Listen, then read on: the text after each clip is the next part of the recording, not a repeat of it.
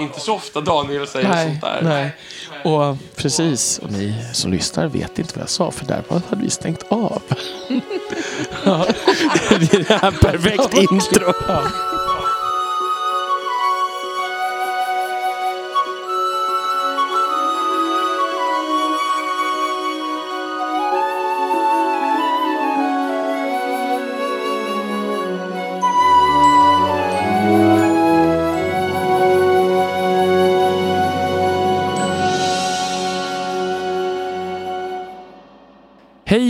Välkomna till det 67 avsnittet av Tolkienpodden. Och många av er har säkert följt med under de senaste veckorna när vi har gått igenom de enskilda avsnitten av Rings of Power. Men nu ska vi alltså ge oss på mer av en överblick, en helhetsanalys av första säsongen. Vad vi tycker och tänker kring den och sådär. Spekulera lite för, inför framtiden och så. Och vi som ska göra det här är alltså Adam, Elisabeth. Och Daniel. Men precis som vanligt så ska vi börja med lite tips innan dess.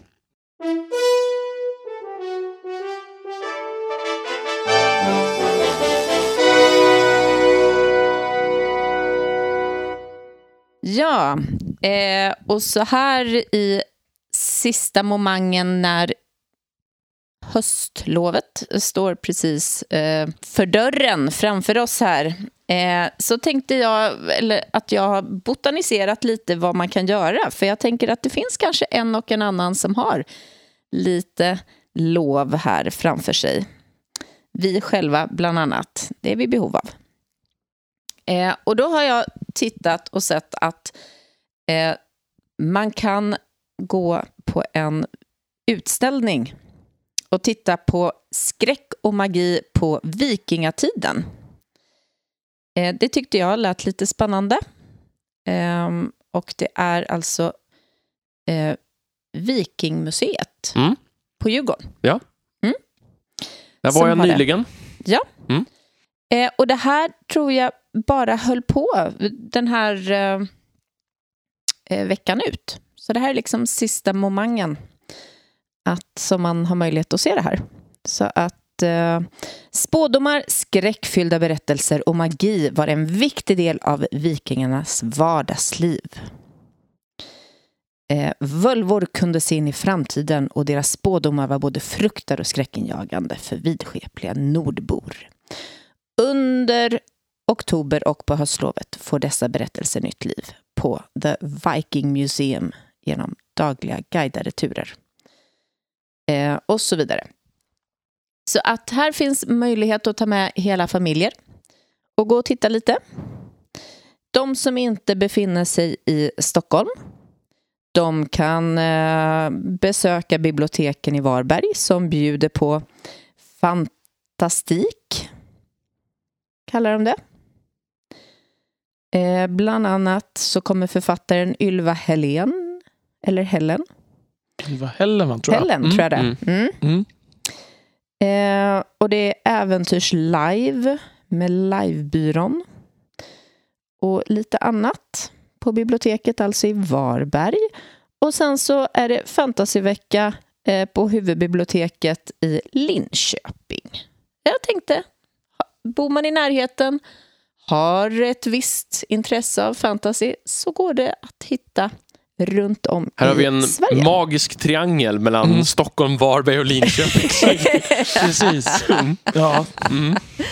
Ja, precis. Nej, men så det var mitt tips. Gör roliga saker nu på höstlovet. Mm. Det låter som ett bra tips tycker jag. Verkligen. Jag har, har en känsla av att jag ibland kommer med lite så här obskyra tips. Ehm, men idag blir det inte det överhuvudtaget. För idag ska jag tipsa om första säsongen av House of the Dragon. En gång till, vad heter den? House of the Dragon! faktiskt. Ja, det är inte, inte så många som inte har hört talas om den här serien kan man säga. Kanske framförallt inte av våra lyssnare. Nej, precis. Men jag tror inte mina föräldrar har hört talas om den till exempel. Tror du inte? Nej, det, jag det har varit inte. överallt Ja, i media. Men, Kanske. men ja, jag vet inte. Mm. Men i alla fall. ehm, jag var ju lite lätt skeptisk inför att den här skulle börja sändas. Ehm, jag tycker själv att drakarna och Targaryens är en av de tråkigare aspekterna av George R. R. Martins värld. Ehm, och jag tänkte att det nog skulle kunna bli lite urvattnat. Men jag har haft fel, eh, känner jag. Att jag känner mig väldigt övertygad efter den här första säsongen. Jag tycker att man har fått ut väldigt mycket av både historien och rollerna och byggt upp väldigt bra för en spännande fortsättning. Och sista avsnittet i första säsongen släpptes när vi spelar in igår, så att Mm. säga. Så, eh, så att när, när ni hör det här så kommer det ju vara för en vecka sedan ungefär. Ehm, och jag var väldigt nöjd med avslutningen också och tycker att ser mycket fram emot den säsong två som är bekräftad med det här laget. Men det skulle dröja läste jag idag. Ja, flera Mm. år kommer det ta Ja. innan säsong två kommer ut. Så att det blir en lång väntan. Mm. Men ehm, nej, men jag... Var det jag 2025? 24 tror jag. Men jag tycker att man har haft ett ganska lågt tempo. Och jag tycker att det har varit en väldigt välskrivet manus som har byggt upp konflikten intressant. Har hållit sig till i det stora hela väldigt nära källmaterialet. Och ehm, många starka skådespelarinsatser har uh, sålt in det här väl. Och man har klarat att byta skådespelare Ja, man gör ju tidshopp i mitten. med tidshoppen utan att det har rubbat hela känslan för serien. Verkligen. Jag instämmer. Jag Mm. håller med dig. Och jag har inte sett den än. Nej. Jag har varit så osugen på något sätt. Men eh, någon gång ska jag se den. Ja, men, men jag vill bara tänka så här, alla lyssnare, att jag kan faktiskt vara positiv till saker. Ja, Också. Ni Ja. kanske har glömt bort det, det var så länge sedan Ja. senast. Ja. Men, men det här är faktiskt riktigt bra. Så, Nej, med tidshoppen får man ju tänka lite på The Crown. typ. ja, Eh, alltså just- det är lite likt faktiskt Ja, på det sättet. Att, att det, det, det enda man kan säga är väl att vissa personer byter de ut skådespelarna och andra gör de inte det. Mm. Eh, och det kan vara lite svårt att köpa till en början. Alltså vissa verkar åldras så mycket snabbare än andra.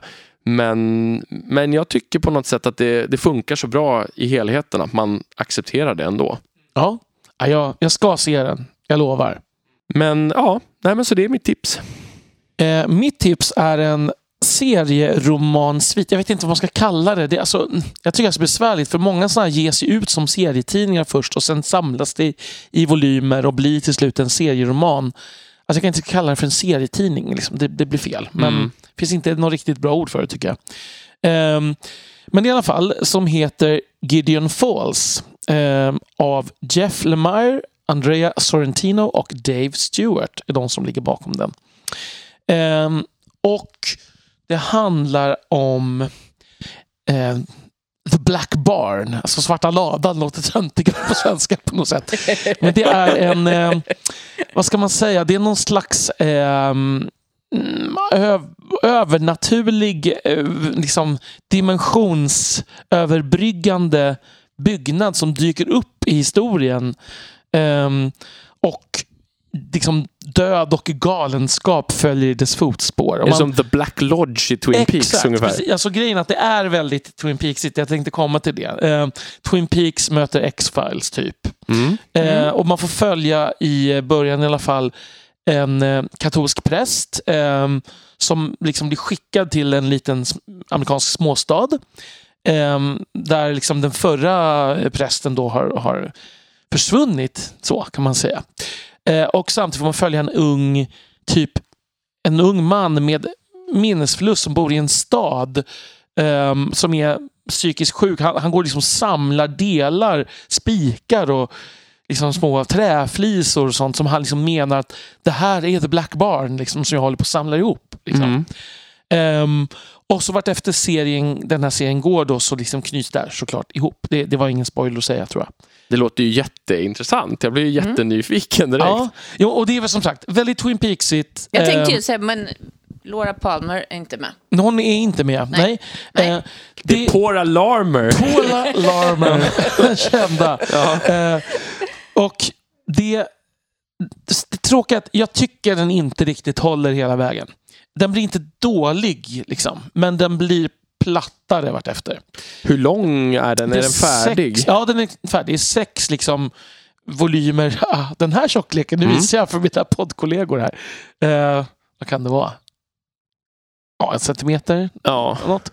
Ehm, och den blir lite mer lite mer börjar dra åt sci-fi vartefter skulle jag säga. Och då tappar den också lite. Den är mer skräckbetonad i Mm. början och mer Lovecraftiansk kanske till exempel. I början? Ja. Mm.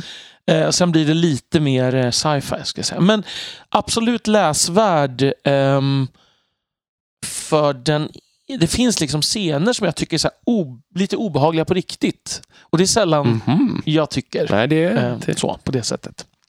Ja. Är det så att man skulle kunna få låna det här av dig? Ja, det kan man. Det Ja. kan man. Ja. Det, det, det låter som en bra, Ja. ett bra projekt. tycker jag. Precis. Mm. Mm. Ja, det var mitt tips.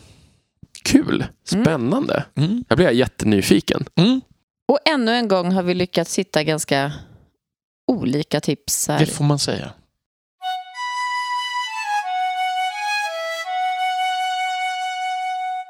Men då tar vi oss an den, den stora uppgiften att försöka summera våra tankar och känslor kring första säsongen av Rings of Power. Och Det här har varit en lite speciell upplevelse. Vi har ju poddat mycket mer Mm. nu. Mm. Med dålig ljudkvalitet. Ja, eh, vilket vi. Daniel mår ganska dåligt över Ja, känner jag. exakt. Ja, eller, ja, nej, nej, jag mår inte så dåligt av jag, Det är mer att jag, vi upplever att det finns lyssnare som är besvikna över det. Och det är ju tråkigt. Men Mm. det har liksom inte funnits på den berömda kartan att vi ska ses en gång i veckan. Liksom. Tyvärr. Men nu är vi, sitter vi här i mitt Så vardagsrum. för en del så kanske det här är det som man det enda som man lyssnar på ja, kring. exakt. Det som är tråkigt är om någon har upptäckt de avsnitten och Ja. tror att alla våra avsnitt har Precis. den ljudkvaliteten och sen inte lyssnar vidare. Mm. Så är det ju. Men det kan vi inte riktigt göra någonting åt. Nej, nej. Eh, vi har ändå nämnt det ibland. Men, men jag kan tycka att det som har varit konstigast för mig under den här tiden, förutom att vi poddar så mycket, det är att tidigare så har det ju varit väldigt mycket så att när vi har poddat så har det bara handlat om någon sorts entusiasm och att vi liksom pratar tillsammans och så här och spånar kring något vi är intresserade av.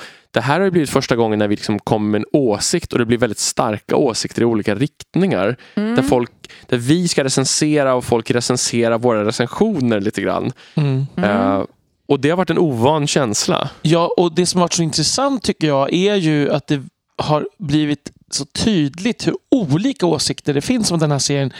Där vi får kritik från ena hållet för att vi är alldeles för generösa. Hur kan vi ens prata om den här skitserien? Mm. Och från andra hållet att eh, vi är alldeles för negativa och sågiga. Eh, vi måste vara mer positiva. Eh, och att jag ska inte säga vi har försökt navigera där, men det i alla fall har varit så, Mm. tänker jag. Och det har varit väldigt intressant. Precis, och det är inte en gång utan vi har fått båda de här reaktionerna upprepade gånger Ja, precis. från Ja. båda håll. Och, och kanske att man känner att man vill understryka att, att vi ändå liksom någonstans har försökt stå för det vi själva tycker. Ibland har vi tyckt relativt lika och ibland ganska olika. Mm. Men att det, jag upplever att vi ändå har haft ganska olika åsikter eh, och att det har kommit fram. Men, Mm. men det är inte alltid som det har sen kommit med i den respons man har fått. Så att, ja, nej, men Mm. ny erfarenhet, verkligen. Verkligen. Och sen, men sen blir det det här också där med våra olika roller. Som du säger Elisabeth, att liksom, vi har ju tyckt vad vi har tyckt. Men ibland så tror jag att, att folk har förväntat sig balans. Och i vissa avsnitt blir det ju balans för att vi råkar tycka olika. Mm. Och andra gånger så tycker vi alla liknande och då blir det inte så mycket balans. För det råkar bara vara det vi tycker. Mm. Eller förstår ni vad jag Ja, absolut. fiskar efter här? Mm. Verkligen. Och då är frågan, är balans ens eftersträvansvärt? Det jag tänker som vi kanske kan lära oss av det här inför kommande säsonger som vi väl måste angripa förr eller senare. Mm. Eh, Ja, framförallt senare, inte förr för det går inte.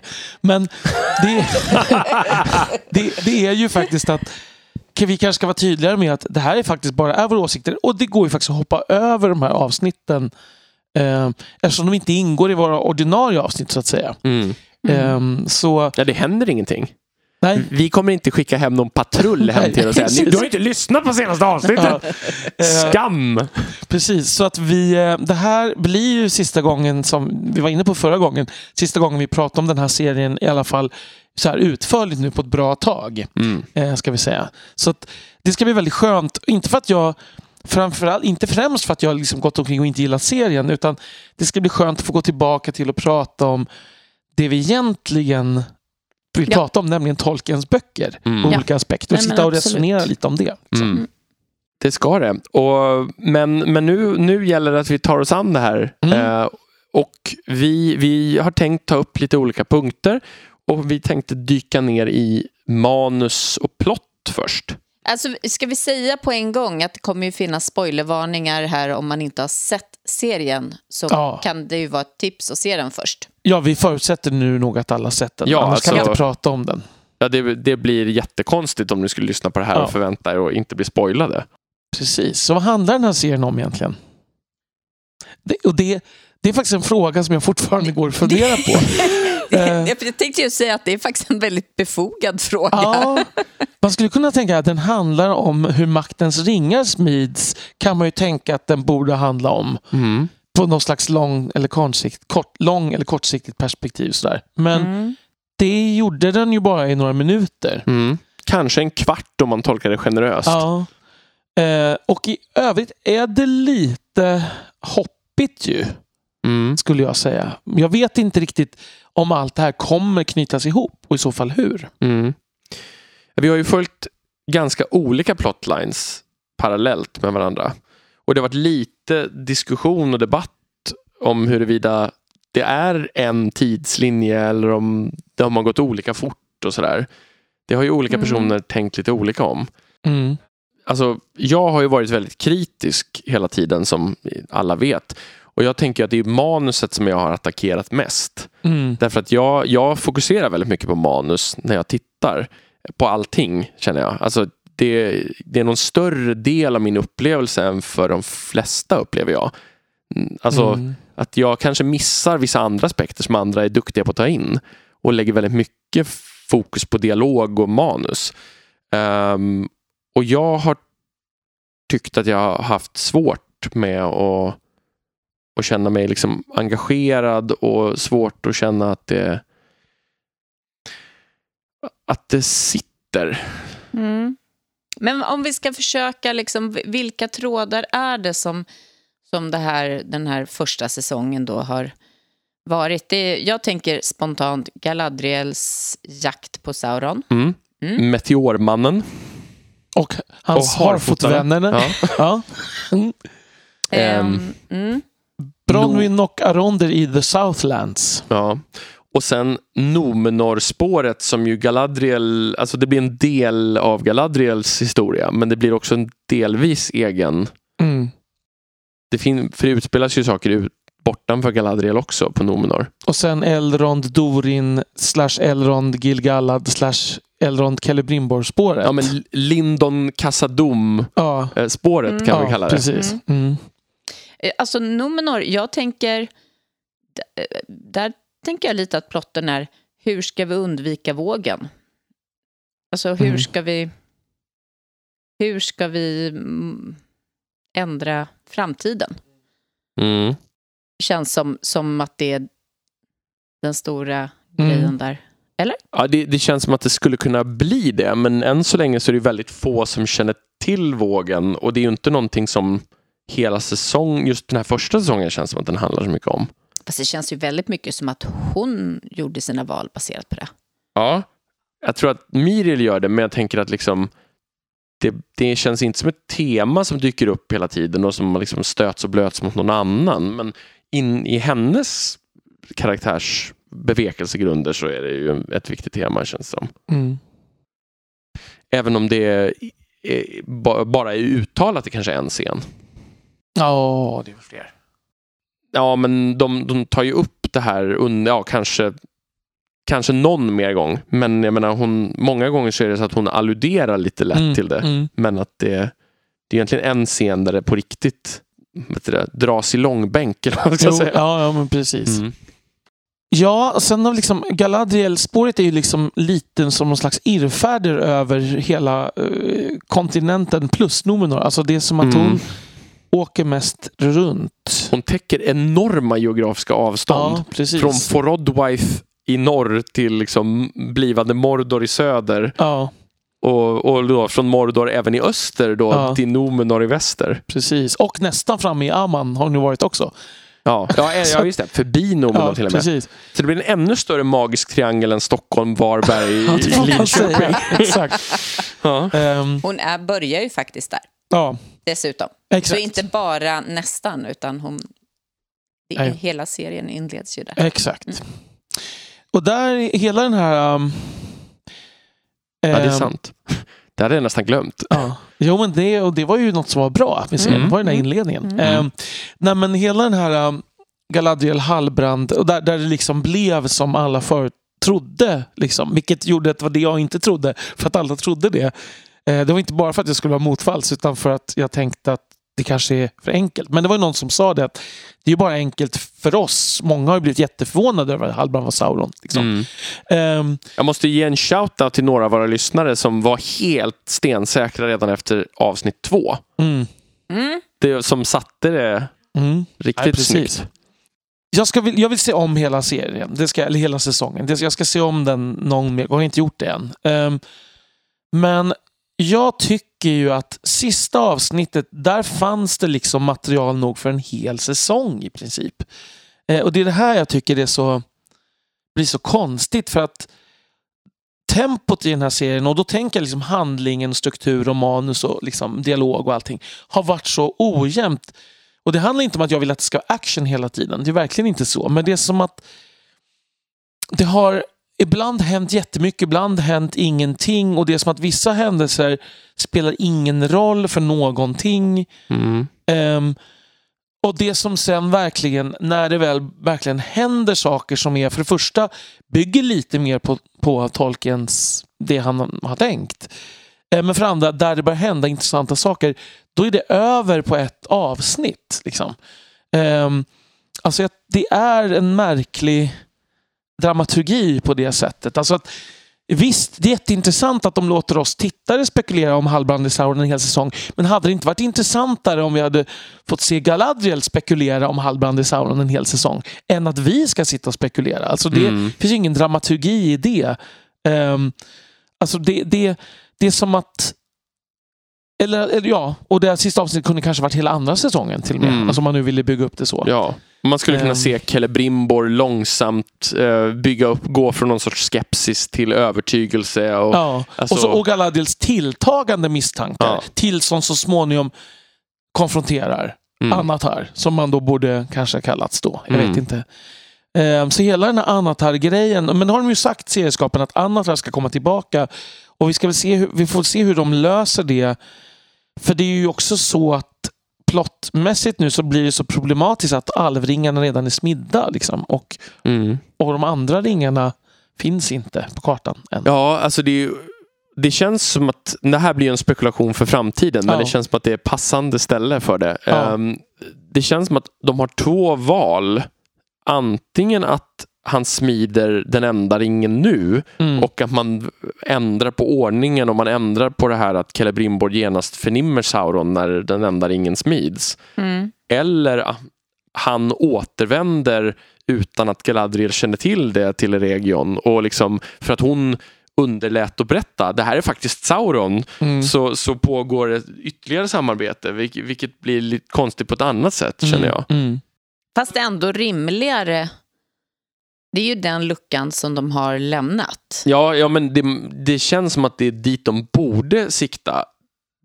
Däremot så känner jag att det blir, det blir liksom det är så, man blir irriterad på Galadriel, att det, det är så otroligt viktigt det här att det, det här inte får hända och att hon Mm. då inte skulle berätta det här. Mm. Alltså, jag förstår att de försöker säga att det skulle ha någonting att göra med skam eller så här, Mm. men, men jag kan inte riktigt köpa den när det är så här, världens öde står på spel.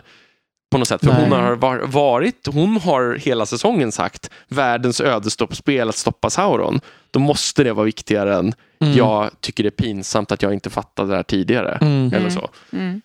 Ja, för de andra har inte fattat det alls. Nej, Hon har ändå räknat ut det. precis. Så att de andra måste ju framstå som ännu dummare, liksom, Mm, tänker jag. Ja, nej, jag vet inte. Och, Eh. och sen kan man ju också fundera på var ska hon ta vägen då? Ja, exakt. Ja, antagligen ser ut efter Sauron nu då, antar jag. Eller? Ja, och då kommer han tillbaka. Ja, så de byter bara plats. De gör en rokad. Det blir som ett kammarspel. En person springer ut på ena änden och en annan kommer in Exakt. genom en annan smäller dörr. i dörrar. Precis. Stefan och Christer går vi till istället. Ja. Ja. De snubblar in och ut från Ja. scenen. Ja. Ja. Ehm, nej men, men precis. Och det, så att lite för mycket av den här säsongen tycker jag har varit ett mysterium för tittarna. Och det är ju spännande kanske. Men jag vet inte om jag tycker att det känns som att det var rätt val. Och det är likadant med det här med Meteormannen. Där det liksom det blev så mycket som handlar om vilka är de här personerna. Mm. Mm. Ehm, men det är konstigt att vi som tittare ska, ska gå och tänka det. Va, alltså, på något sätt kan jag tycka. Mm. Alltså att det borde vara drivet av personerna i serien. Mm. Ja, Jag börjar tänka genast på Game of Thrones. Mm. Att de första fem böckerna var ju Mm. redan ute. Eller femte kom väl ut i samband med att Mm. serien började sändas. Så väldigt mycket visste vi ju redan vad som skulle hända. De som Mm. hade läst böckerna. Men det förtog ju inte någonting av spänningen i vad som skulle hända. För att man lyckades väva en spännande intrig. Där just liksom, även om vi vet vissa saker Mm. så vet Mm. inte personerna det. Nej. Och det blir dramaturgiskt spännande. mm. Det var väl kanske tur när det gäller den serien för att det var ju så fruktansvärt många namn att ta in så att det var ju kanske lättare för dem som hade läst de där fem böckerna än för dem som inte hade gjort det. Absolut, men jag, Ja. det, det jag fiskar efter är ju snarast att vi behöver inte Det behöver inte förta någonting. Nej, Nej. Vi, be, vi behöver inte vara liksom in the dark för Nej. att det ska kunna bli spännande Nej, och, absolut. och drag under galoscherna. Nej, som precis. Ja. i, var. Ian Wachtmeister som sa det. Nej, men ja, det håller jag absolut med om. Eh, och sen tänker jag, jag, jag, nu fick jag precis en så här liten tanke att där skulle hon ju faktiskt kunna ta vägen.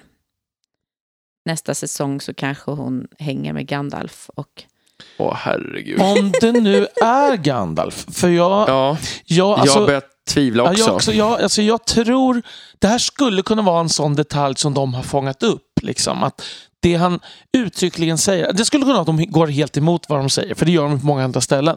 Men han säger uttryckligen i östern, det hade inget namn för där har jag inte varit. Nej, det säger han inte. Nej. Han säger to the east I go not.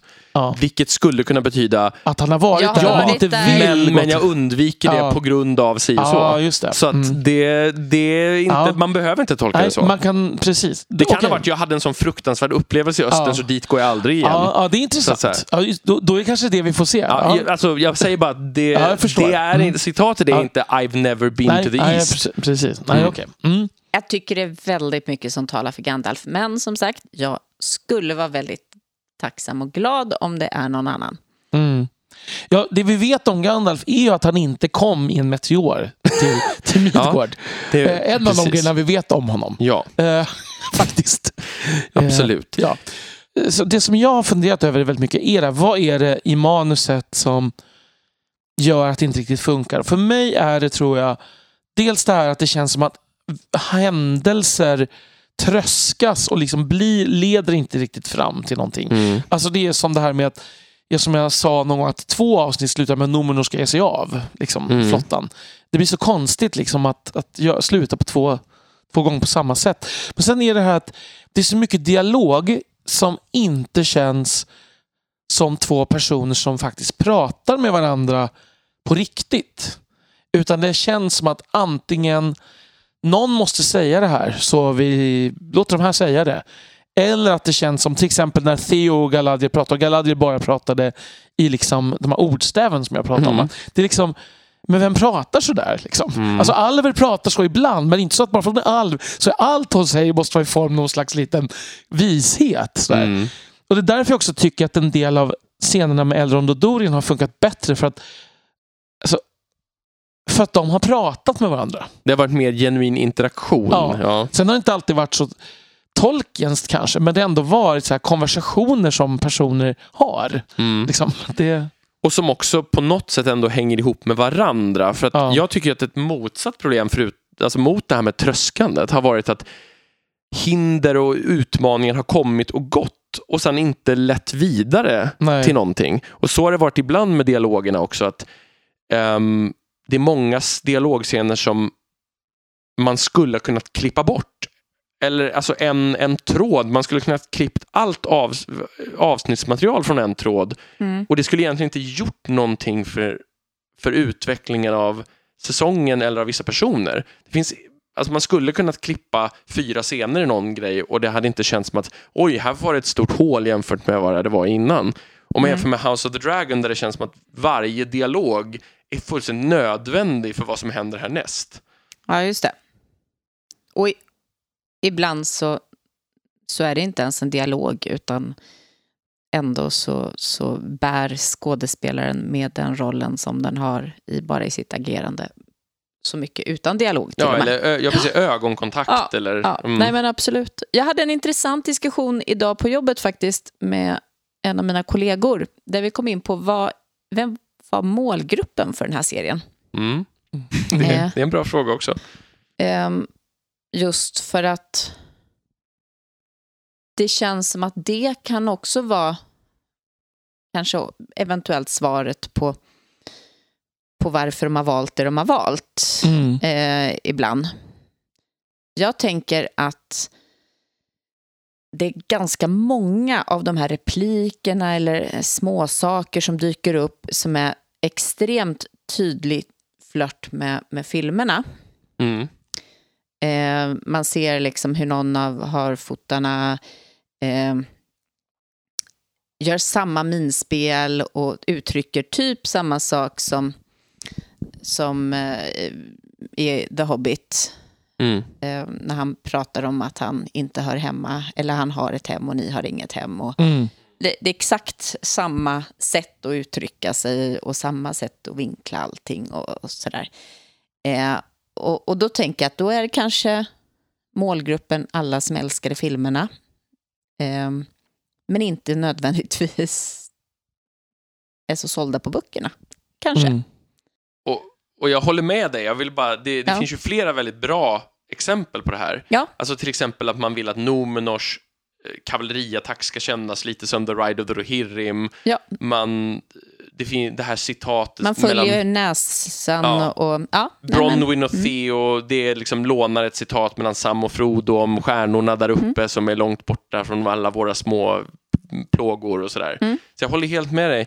Men- så, så jag tror att du är något på spåren där, men jag, jag tycker att man har svajat lite i det där. Ibland så kommer de med, med väldigt, väldigt eh, obskyra referenser som en väldigt liten grupp, även om Tolkien-intresserade, plockar själva utan någon sorts Ja, tips. Mm. Mm. Och i andra tillfällen så, så blir det oerhört mainstream eller anpassat där man liksom förenklar saker väldigt mycket. Och samma sak kan jag tycka med stämningsmässigt att ibland blir det väldigt mörkt och brutalt. Det är, liksom, Mm. det är djurskallar och det är blödande ögon och det är så här. Och andra gånger så är det väldigt gulligt och, och de har sa- sagt väldigt mycket, vi vill att det här ska vara en serie för hela familjen och sådär. Mm. Och, och ibland bryter Hallbrand armar mot dörrposter i Nomen. Alltså, där tycker jag också att det har varit svårt att veta exakt var de vill landa. Mm. Och är det inte kanske det som är en av problemen här, är att målgruppen är alla Mm. och därmed kanske ingen? Mm. Ja, eller bevisligen många, eftersom många tycker om den väldigt mycket. Ja, Men, jo, men jag så förstår, jag förstår Så är- exakt vad du så, menar. Så men, är det ju, men att jag man vill bara liksom säga det så att- efter ja. väldigt mycket Ja, så, ja. så kanske man missar vissa saker som hade kunnat... Mm. Ja, Mm. Sen, jag vet inte om jag tänker... Jag känner nästan att världen har varit antingen för stor eller för liten på samma gång. Att det är som att vi följer lite för få och små trådar för att det ska kännas riktigt som att hela världen berörs. Mm. Eh, men för många kanske ibland för att man ska liksom landa i dem. Och därför jag tror att jag gillade det här avsnittet eh, med striden som jag vet att du inte tyckte om Adam. Men det var för, av andra ja, skäl. Ja, jag vet. Ja, jag ska vet. det sägas. Ja, Ja. Men jag, bara, jag var Mm. tvungen att Ja. säga. Förlåt. Ehm, nej, för att jag tyckte där fokuserade man Mm. på någonting. Det var ju det enda det handlade om, det ja, avsnittet. exakt. Och det var en, jag tyckte att dramaturgiskt var det under det bästa avsnittet. Men jag hade ju mycket annan kritik. Ja, exakt. Mm. Ja, men jag vet. Jag, jag, ska, jag ska inte beskylla dig eh, orättfärdigt här. Eh, Nej, Skyll på bara. ja, Det, det, du van. Nej. ja. Jag får vara syndabocken här. Ja. Det, ni två får vara de nyanserade och jag får, Ja. jag får vara surgubben. Mm. Ehm, nej, men jag tror att det hade... Så att det är därför det också blir lite så här... Det är, lite, det är därför jag tror att det också varierar så mycket i tempo så där vad, och gör att det känns som att det både går för långsamt och för snabbt på samma gång. Mm. Tycker jag att det gör. Mm. Ja. Jag har blivit både uttråkad och samtidigt tyckt att det här hastar de förbi samtidigt. Fa- Ja, ibland samtidigt, men framförallt skulle jag säga att varannat avsnitt-känsla. Ja, lite så. Ja. Varann, varannat avsnitt så har jag verkligen uppskattat och tyckt om och, och känt att oj, nu, nu lyfter vi, nu, nu drar vi här. Mm, Det är härligt. Och sen kom nästa och så, ja, mm, lite, nu, nu var det ju någonting som var lite knas igen. Ehm, så att ojämnheten, ehm, och, och, och det tycker jag i och för sig är positivt. För det betyder ju också att det finns höjd. mm. Ja, verkligen. Ehm, men det är som att det... Den, Tycker jag. ja. Nej, men det, Eh, Elisabeth såg just min skeptiska min här, för Ja. det, miner görs inte så bra i podcast. Nej, nej. Så att, och då, sen så fick hon ett skrattanfall här Ja. utanför. ja. Ehm, men jag, jag avlåt, eller underlåter att kommentera den. Yes. Nej, men jag, jag, jag håller med. Eh, och jag, eh, även om jag kanske tycker... Men alltså, absolut, absolut så är det. Eh, och det är det här som gör att det känns som att den inte... Det är därför jag också vill se om den. Och se, är den strukturellt bättre uppbyggd när man Binchar. binchar och när man har, liksom, har en överblick redan. Ehm, för det är det jag känner fortfarande att den är...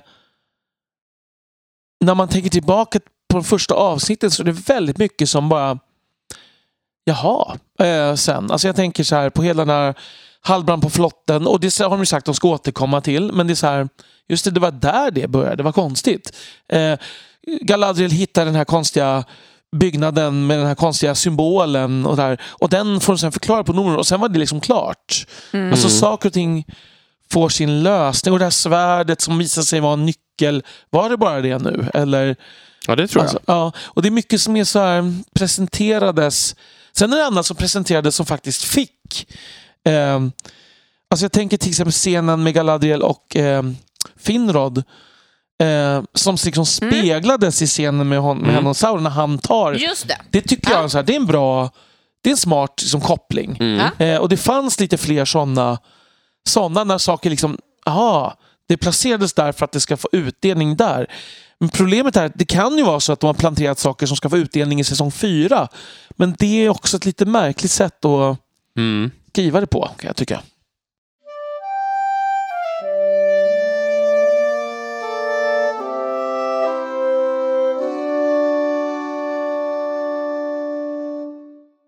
Sen så tänker jag kring det här med liksom att det går för fort och för långsamt på en gång. Då vill jag leda in lite grann på rollpersonerna för jag tror att Mm. det är dags att ta sig dit. Verkligen. Och ehm, jag och Daniel har diskuterat i andra sammanhang tidigare kring, kring liksom vad vi känner kring personer. Jag har tagit upp det här i våra poddar också.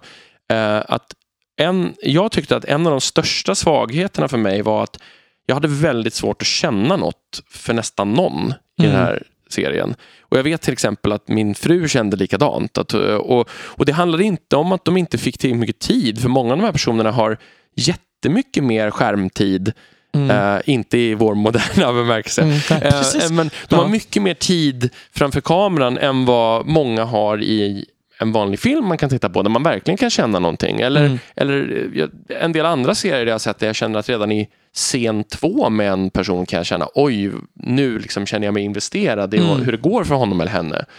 Ehm, men det hade jag svårt att känna hela tiden och jag tror inte och det kom, kan jag säkert beskyllas för, men jag tror inte att det handlar om min liksom, kritiska ingång och, och Tolkien-avvikelserna.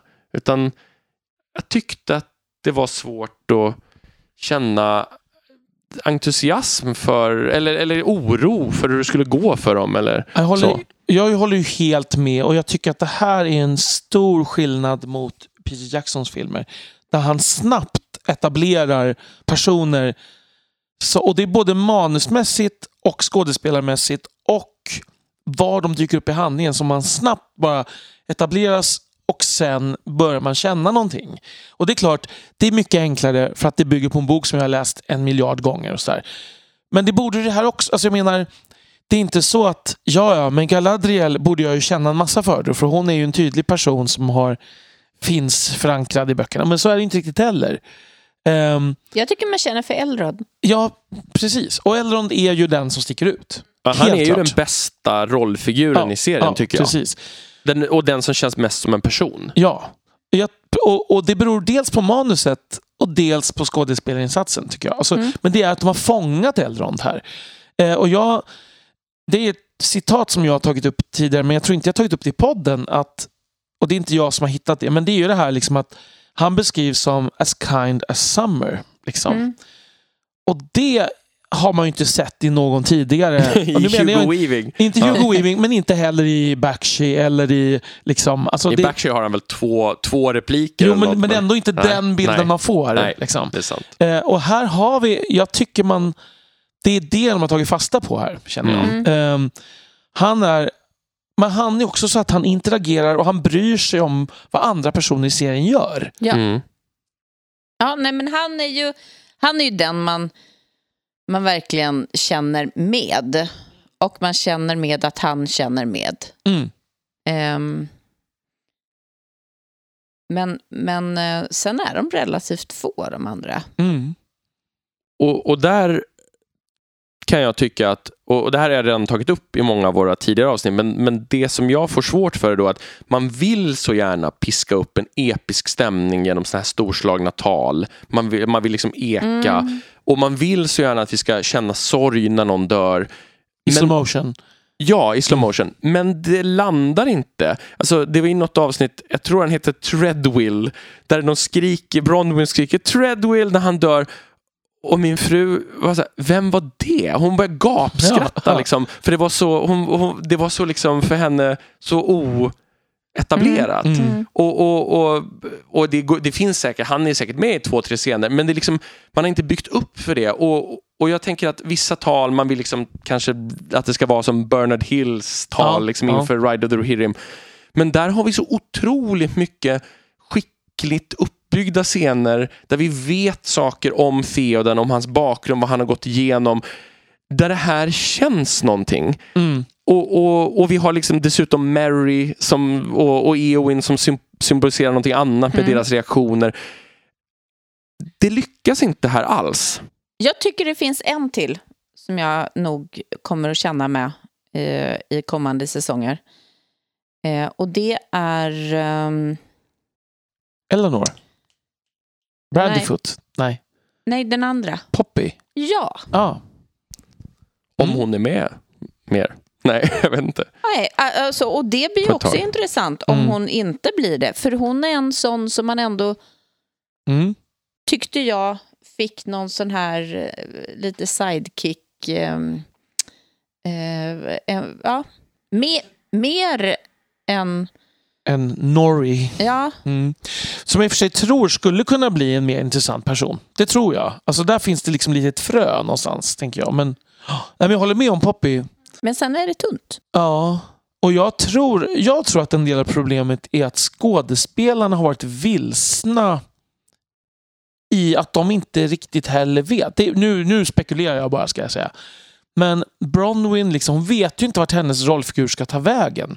Mycket enklare liksom för ehm, Dominic Monaghan att läsa. Okej, Mary, jag läser boken. Vad händer med Mary? Jo, det är ju det här som händer Mm. Mary. Det här är en bild av. Det Det här här ska kommer hända. bygga mot. Precis. Och jag tror även där att eh, liksom lite grann tror jag att Elrond liksom eh, varför sa jag det på amerikanska? Lite grann tror jag att, Det där får du inte klippa bort nu. Elrond. Okej, nej jag klipper inte bort det. Lite grann tror jag att Elrond, han har liksom studerat sin rollfigur. Och det är därför jag tänker så här. Därför som jag tycker att det här i sista avsnittet, att jag tyckte att om man bortser från hela den här kvasiromansen mellan Halbrand och Galadriel Mm. så tycker jag att Halbrand började, Halbrand Sauron började bli lite intressant i sista avsnittet. För där känner man ju plötsligt att den här skådespelaren vet vart den här figuren är på väg. Um, alltså jag fick intryck, jag har läst senare att han liksom frå- fick frågan tidigt om vilka är dina favoritpersoner i Tolkiens verk. Hade han sagt jo men eh, eh, Varulvarna och den här Tevil då, Prince of Cats, så hade han ju sagt. Vilket ju är en hint då att för det första han ville kunna hinta om att han var Sauron. Men jag tror också att det tyder på att han har ju läst på om sin rollfigur faktiskt. Mm. Och jag tyckte att det började anas i sista avsnittet. Men innan dess har han ju varit ganska tråkig tyckte jag. Mm. Mm. Eh, likadant med Adar som jag tycker har varit Mm. intressant. Eh, inte för att det är en person som finns i Tolkiens verk men det känns som skådespelaren vet vad den här rollen är för någonting. Mm. Flera av mina vänner som inte är så liksom, Tolkien-investerade i, i just Mm. Har också tyckt att Adar har varit en av få behållningar i serien. Mm. Har varit en av de som är lite spännande och lite, att det är lite nyanser och Mm. Mm. sådär. Och det kan, jag, det kan jag också hålla med om liksom, utifrån det rent dramaturgiska. Men, men det säger ganska mycket att vi måste ner på, på Adar Mm. som ju ändå är en, vad kan han vara, den 15, 20 största personen i serien. I Ja, hur mycket kanske. plats Ja. de får. Mm. Ehm, sådär. Alltså jag vet inte. Och det här tycker jag nog är det enskilt största problemet som serie Mm. eh, för mig. Eh, sen så vet, vet ju alla att jag är fanatisk bokstavstrogen. Men det kan vi lämna därhän. Liksom, att Mm. det här... Jag kände liksom ingenting. Nej. Och det är ju det man vill. Det är ju det allt går ut på. Ja, verkligen. Det är det konst och kultur handlar om. Ja. Ja. Um, när jag tror att det finns, kan, om jag nu ska spekulera om vad problemet är, så är det väl det här med tv-seriegrejen att, att det är olika manusförfattare i olika avsnitt och kanske att de här showrunnersarna, Mm. showrunnerna, ja, eh, var ganska orutinerade, eh, känns det som. Att, så att jag tror att en del av att det här att det, att det är olika tempos, att, att det beror också på att de här personerna skrivs av olika personer varje vecka. Mm. Um, vilket gör att det kanske den här enhetliga visionen saknas för vilka är de här personerna? Vart är de på väg egentligen? Mm. Vad, är, vad är syftet och vad är poängen? För att, och det funkar ju i en serie som, nu tar jag ett exempel, Arkivex till exempel, The X-Files. Det gör ingenting att det är liksom två parallella spår, att personerna utvecklas i, i, långsiktigt men samtidigt från vecka till vecka är det ju som att allt nollställs. ja. Liksom. Mm. Ehm, och det gör ingenting i en sån serie, att saker och ting, eller en komedi, en sitcom, ska det också nollställas mellan Mm. gångerna liksom, på något sätt. Och det har ju faktiskt varit lite av ett problem här. Ja. Att både personerna och lite handlingen har ibland nollställts. Ja. Att vissa utmaningar bara är borta eller är Ja. lösta väldigt snabbt och så här, på det sättet att de inte går, hakar i längre bågar. Mm. Eller personlighetsutvecklingen inte har de här längre bågarna heller i, i flera fall. Kan Mm. jag känna i alla fall. Med några undantag. Ja. Vissa saker då som knyts ihop i si- sista avsnittet. Mm. Mm. Men precis som du säger Daniel så hade jag tror absolut att man kunde ha låtit sista avsnittet vara minst en halv säsong. Mm. Alltså, och då hade man ju dessutom kunnat spinna på ett mer Tolkien-troget material. Mm. För, och där det faktiskt finns en del material i det material de har köpt rättigheterna till. Mm. För det har man pratat jättemycket om. Det är så lite de har rätten till och där skapas en del av problem. Men det de faktiskt har rättigheterna till, där det finns lite kött på benen, det har gått jättefort. Mm. Ja, precis. Där det finns detaljer att jobba med. Mm. Och, Ja, det är synd. och stället har vi fått fundera över, vänta nu, kommer Theo bli ond eller god? Och varför har han det där konstiga svärdet? Mm. Eh, så Ja. så här, ja, jag vet inte om jag... K-bry, säger jag. K-bry. ja. ja. Jo, men Down det, with the kids igen. ja. det är jag ändå lite nyfiken på ja. fortfarande. Inte jag. Jag är faktiskt mer nyfiken på det än Meteormannen ändå. Mm, Jaha. nej. Nej, det, det håller inte jag med om. Nej. Trots att jag, alltså, jag blir ändå nyfiken på huruvida det är Gandalf eller en blå trollkarl som de bara ska försöka hinta är Gandalf så länge som möjligt. Jag tror att det är Gandalf. Jag, jag, Jag kommer bli otroligt överraskad om det inte är det. Men, men det kan vi ju faktiskt gå in på lite här. Mm. Därför att jag tänker att det finns de två alternativen kvar nu. För det, det känns helt osannolikt att det ska vara Saruman eller Radagast. Mm. Eh, alltså, det har ju kommit lite argument kring det. Men jag tänker att vi har egentligen två alternativ. Antingen är det Gandalf och att man bara helt struntar i, i de liksom kas, kasusbrott, höll jag på att säga, kanonbrott Ja, ja. eh, som, som det innebär. Och, eller att det är en blå trollkarl men att man försöker signalera så länge som möjligt ur något sorts kommersiellt hänseende att det skulle kunna vara Gandalf så att folk ska vara nyfikna på huruvida det är det eller inte. För det har ju funnits de här som har hävdat att den här stjärnbilden ser ut som tvillingarnas stjärnbild. Mm. Och två olika versioner av de blå trollkarlarna stämmer ju in på olika aspekter som vi har sett knutna till honom. Alltså att de blå trollkarlarna sägs i ett av de sista textutkasten anlända i andra åldern redan. Eh, medan i ett av de ett tidigare utkast, en annan version av de blå trollkarlarna. Så egentligen kommer de här från olika spår. Men där är de kopplade till kulter i östern. Mm. Eh, Men, men här skulle de kunna säga att de på något sätt väver ihop de här två temana och att de istället kämpar mot kulter i östern eller att den ena blå blir en fiende och den andra blir god Mm. eller sådär. Mm. Att de, de kompromissar mellan tidigare och en senare version. Eh, så jag hoppas ju fortfarande på det, för jag tycker det skulle vara mycket, mycket bättre än att det är Gandalf. Men, men jag är ju väldigt rädd att det är Det Gandalf. finns ett tredje alternativ. Ja, vad tänker Det, du? det är ju som att jag tänker att de här Harfoots har de ju bara pytsat in här. Liksom, för, att, för att säga att det, ops, det fanns typ hobbitar här. Mm. Så. Men att det är som att det är en, troll, en trollkarl som inte, inte någon av de här. Bara ops, Ja. det här är en trollkarl. Vi, vi hittar på en trollkarl för att det kan ju lika gärna ha kommit en trollkarl tidigare. Bara att han nämns inte för han dyker inte upp i tredje åldern. Liksom. Det var ungefär som när The Showrunners eh, fick, skulle bemöta att Galadriel var på Numenor och de sa det står ingenstans att Galadriel inte var på Numenor. Nej, precis. Ja. Mm. Eller så är det där Bombadil som tar med gänget till Fast Fylke och så... Vi har ju redan fått en väldigt tydlig att han är en Istar. Mm. Det har han sagt. Ja, det har de sagt rakt Ja, ut. just Eller han har, ja precis. Faktiskt, Ja, eller det de har har de sagt till det. och med Så, sagt. Ja, Ja. alltså Mm. två, både han och kultisten sa det. Ja. Så att, Det Sant. kanske är en luring. Ja, nej, det är så mycket. Jag hade glömt Mm. att de till och med hade sagt det. Ja. så det är svårt då, tycker Faller jag. det totalt. Mm. Mm. Ja. Ehm, ja. Är det någon annan person som vi vill prata lite om innan vi går vidare till nästa del?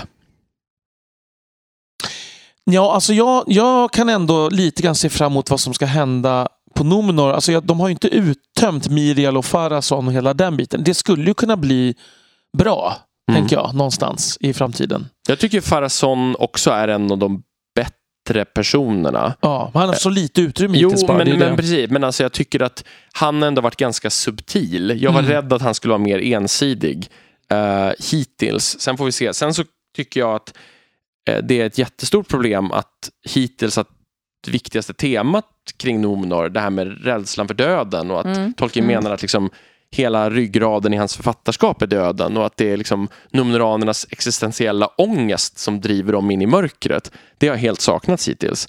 Mm. Och det tycker jag är väldigt synd. Men jag tror att Farason som maktspelare skulle kunna funka utifrån vad vi har sett hittills. Mm. Mm. Och sen så har vi också eh, fundering kring hur Isildur ska återuppstå. Ja, Ehm, Ja, ja, det, ja. för han måste ju liksom ta sig tillbaka till men Numenor. det där är så typiskt. En, när- där har de ju tagit någonting av bland det sämsta från Peter Jacksons filmer. Eh, för det, När ska- Aragorn lam, ramlar ner för Ja, kanten. ja, men allt det man ska tro att någon är död och alla vet men han är ju inte död. Skärp, alltså, varför, ska Ja. vi tro, varför ska vi gå och tro det för? Det är helt meningslöst. Liksom. Mm. Ehm, att de försöker skapa dramatik kring någonting som alla vet inte är, sa- är sant. Mm. Ehm, det, det, ehm, ja, nej, det tycker jag är synd. Det, ehm, men det är ju tradition då, får man väl säga. Men, Jo. men en dålig tradition. Och sen har vi också funderingen på eh, Dorin, Dorin Och Dorin och Dorins Dorin. bane. Ja. Eh, Dorin, Dorin och Doris Spade. Det är dansband. ja, precis. Ja, en advokatbyrå. Ja, just det. Det är sant. Det är de två alternativen Ja, som finns. precis. Exakt. Eh, Kanske inte, kan det inte vara både och? Det är som så här Jö- Jönssons ost och polis som det är Precis. någon gammal hipp-hipp-sketch. Exakt. Ehm, ja, nej, men vad, ja, Dorin, Dorin och Dorins bana. Vad tänkte du Elisabeth? Nej, men jag tänker att där är ju också så här lite... Eh, det går, I och med att de har plockat in två Dorin Mm. och, eh, och väckt en Balrog så förstår man ju att någon kommer att stryka med. Mm. Kanske båda. Mm. Ja. Eh, Eh, Men jag tror att en någon. kommer få en ring av dem. Just det. Det känns ju klassiskt att det skulle vara pappan. Att han får ringen. ja, och sonen hans- dör. Kanske. Eller att, ja. Nej, men jag tänker utifrån hans ambitioner och hans liksom som att han är lite... Alltså jag tror tvärtom. Jag tror att pappan Mm. kommer möta Ja Dorins du, bana. ja, du tänker att, Och- att Dorin ja. blir liksom påverkad av ringen. Ja, att vi har ja, fått, precis. ska ha fått sympati för Ja, honom. Med tanke. exakt. Ja, jo, men jo, Mm. jag köper. Det är en bättre idé. Mm. Ja. Men, men det behöver inte betyda att det är sant. Att, Men jag tänker att pappan Ja. känns som de här liksom stolta dvärgfurstarna som, Ja, som beskrivs lite grann i... mm. Men jag tror inte att, ja i och för sig, det är om, om Dorins bana liksom, men jag tror att vi kommer få se Dorins bana in action redan nästa säsong.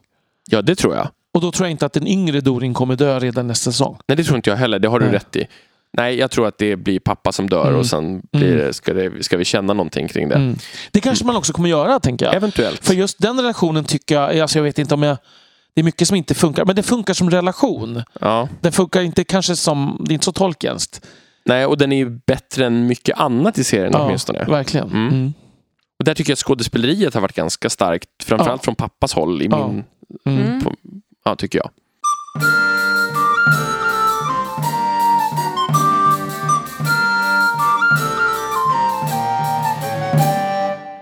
Eh, om vi går över till hur det har sett ut och låtit, alltså det visuella och eh, musiken och så. Då.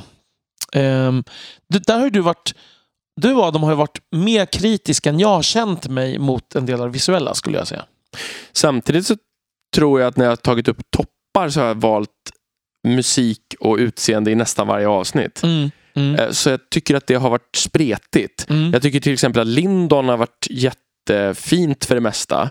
Även om det har varit lite för få platser de har Mm. varit på i Lindon kan jag tycka. Det är, man har använt liksom samma rum flera gånger. Och sen tycker jag att Nomenor generellt har varit, med, har varit fullt godkänt. Eh, där har jag varit mer kritisk till liksom en del alltså animationer och sådana där saker Mm. som jag tycker har varit rätt svaga. Plus att jag kan tycka att en del saker har sett lite plastiga ut. Om Mm. jag jämför med House of the Dragon som har en mycket, mycket, mycket mindre budget. Men där vissa platser känns mer organiska. Mm. Alltså jag tycker designmässigt tycker jag i princip alla platser har sett bra ut. Ska jag säga. Ja, jag håller med. Eh, sen har en del sett lite orealistiska ut på grund av det digitala. Men jag tycker, har nog tyckt att alla miljöer i princip har varit bra. I, i, undantag. Med det här är grottan, Indiana Jones-grottan, känslan som kändes extremt... I början där. Ja, Ja. som kändes extremt obefogad bara. ja. Ehm, Men, det, men jag tänker där om liksom alla, du sa Lindon och Numenor, men jag tycker även Eregion och Mm. Khazad-dûm Mm. och The Southlands. Och, alltså jag, ja, jag Mm. tyckte att det varit, miljöerna på det sättet har varit bra. Det, det tycker jag nog. Ja, jag tycker det har varit helt okej åtminstone. Mm. Men, men jag tänker att det som det estetiska som jag vänt mig emot har haft, varit mer på det inzoomade planet. Jag tycker landskapen har fungerat helt okej för det mesta. Mm. Sen tycker jag att det har märkts, jag tror att de har lagt olika summor med pengar på olika avsnitt budgetmässigt. Ja. Alltså, jag misstänker att det sista avsnittet var dyrare för det var liksom all, rakt igenom väldigt snyggt tyckte jag. Um, alltså det här, hela den här ringprocessen som vi pratade om. Jag kan tänka mig att de har liksom valt Alltså Dorins bane till exempel var också mycket bättre animerad än den här vargen har varit. Alltså, jag tror och, att man har... och vargen var faktiskt nästan katastrof. Ja, Alltså, ja. Ja, den, utifrån var vi befinner oss just nu i historien. Så kan man, alltså jag menar, vad man kan göra. Ja men precis, men jag känner, ja, ja, ja, ja såklart. Vi kan ju inte jämföra med liksom, dockor på 70-talet. Nej. Men med, för jag känner så här, både hur den rörde sig, hur den interagerade med omgivningarna, Mm. hur och, och, alltså den, ibland kände jag eh, som att när man spelar ett lite åldrat datorspel och tänker jag får ha överseende med grafiken Mm. när jag, Mm. i den scenen. Ja, ja, absolut.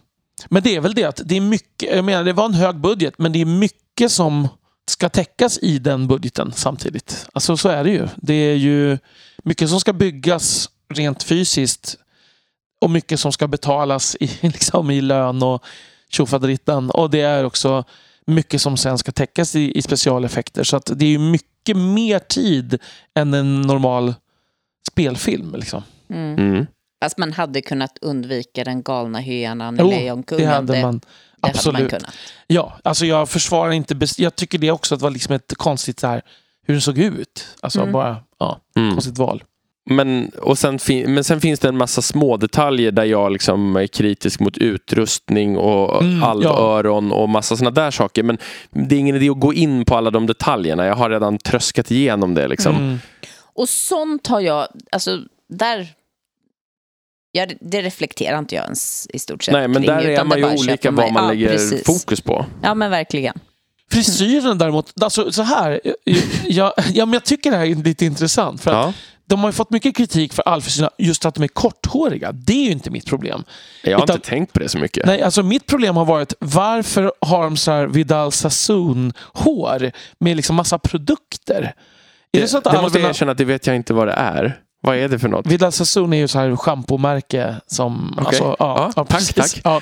Det, Så det behöver du inte klippa bort Daniel. Jag gjorde- står för det här. Så gjordes reklam för väldigt mycket på typ 90-talet tror jag. Okej. Ehm, nej men alltså, alltså vad, de kanske har lärt sig hur man liksom gör mousse. För det känns som att det är moussefrisyrer. Som både Kelly Brimber och Elrond har så här hårmoussefrisyrer. Eh, alla typ, ja men typ Lagens Änglar från 80-talet. eller Jag tänker att det kanske är mousse med Ja, mirrovor-extrakt. så kan det ju vara. Det- Nej, men ja, det, är en så här, det är väldigt detaljerat, men, men det är väldigt märkligt för det, har, det, det känns helt fel. Och sen stör jag mig ärligt talat på varför är inte Elrond mörkhårig? Alltså hur svårt kan det vara? Mm. Jag störde mig för sig på att Sean Bean inte var mörkhårig i Ja. eh, Fellowship of the Ja, Ring också. Men en av de, liksom, de få utseendemässiga grejer som beskrivs om någon i den här serien är ju Elronds svarta hår. Liksom. Mm. Eh, varför kunde han inte fått vara svarthårig?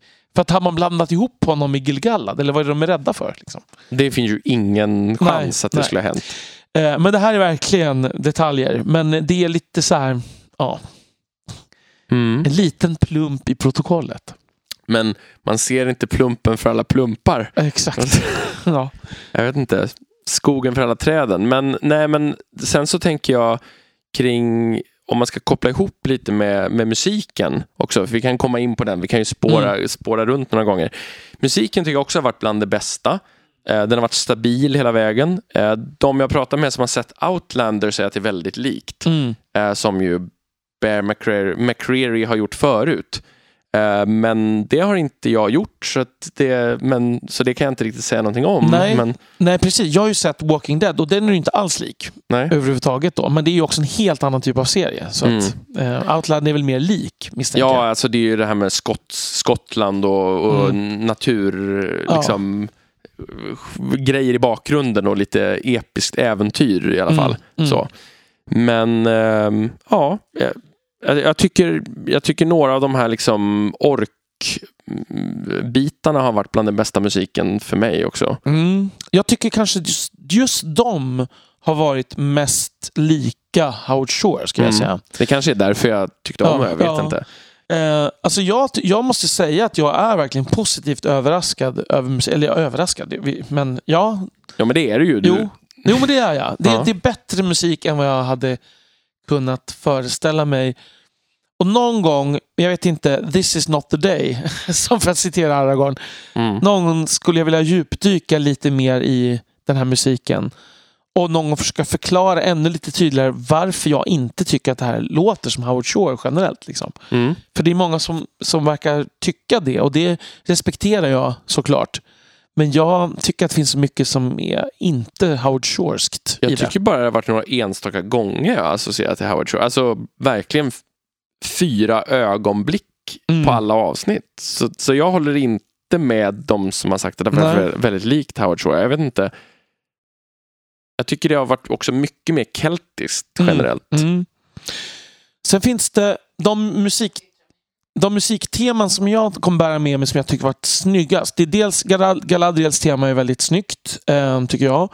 Och så Numenor-tema tycker jag är väldigt mäktigt Mm. på ett bra sätt. Och sen är det den här eh, alltså The Stranger, alltså mm, Meteormannens tema är väldigt, väldigt fint tycker jag. Det är som en liten fransk vals. Eh, väldigt märkligt att det är det, men, men, men det, så är det. Men det är ju en aura av mystik, så är det ju.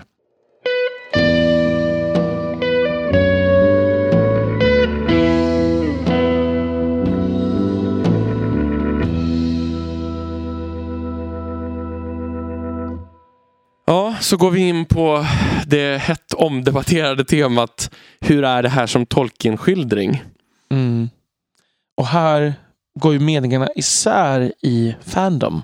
Ja, Det får man säga. väl Mm. Och här har väl de största striderna stått, faktiskt. Mm. Mm. Nästan. Ehm, det har väl inte undgått någon som har lyssnat på att, att jag är väldigt, väldigt kritisk till det här.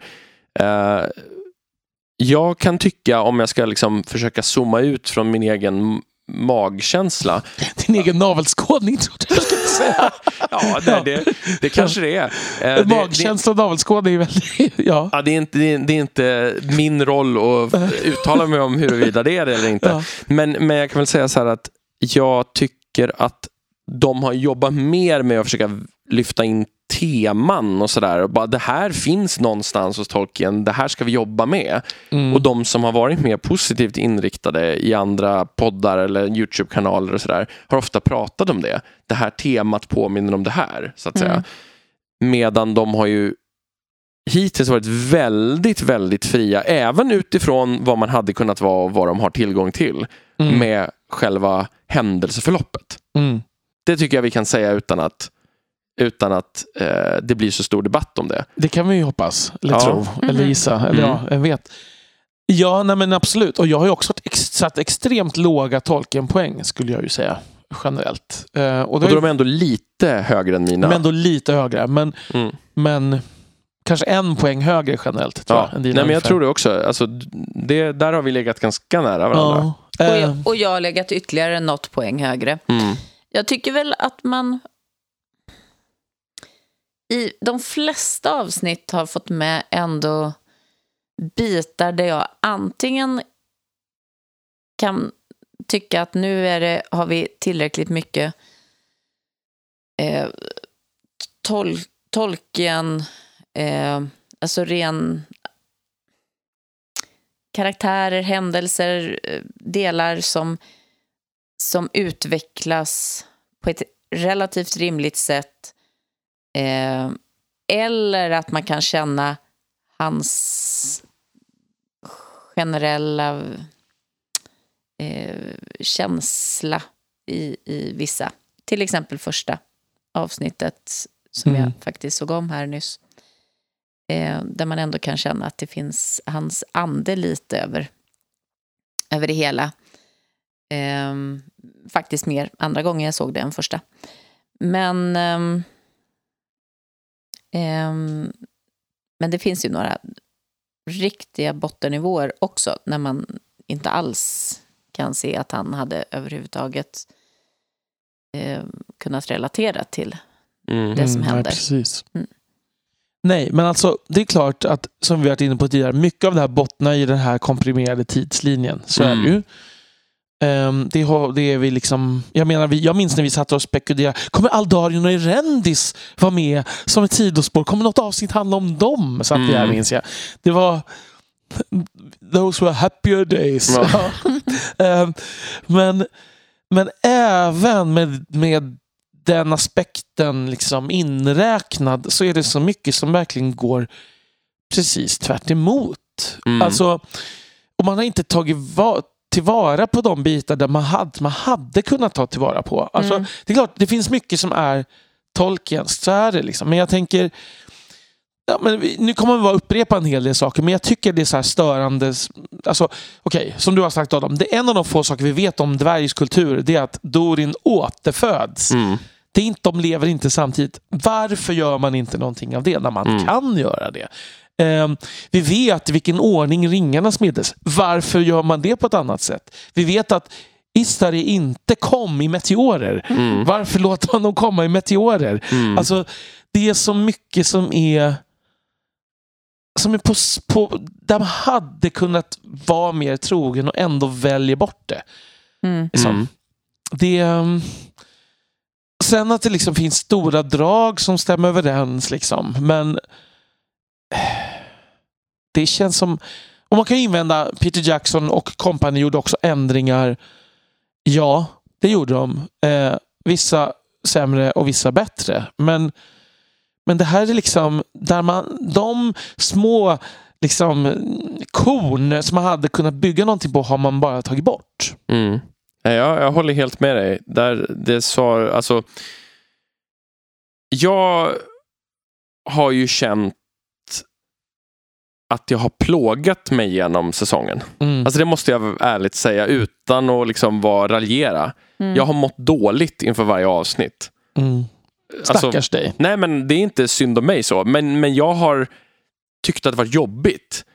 För jag känner att det har utgett sig för att skildra någonting som jag tycker att det absolut inte gör. Mm. Men, men uppenbarligen har andra känt på ett helt annat sätt så. Men, men det är inte min Tolkien, det är inte mitt Midgård så att säga. Nej. Som, Och sen är det väl så här, jag kan ju släppa det här mycket enklare än du. ja. Eh, emellan så att säga. Mm. Eh, och liksom försöka se mellan fingrarna på det. Alltså, jag har försökt att bedöma det på ett annat sätt.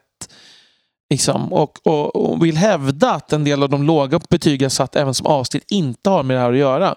Ehm, men för att jag tänker ändå, dels tänker jag så här, men boken finns där, kommer alltid finnas där. Ingenting i den här serien kommer någonsin förstöra de här, det han har skrivit för mig.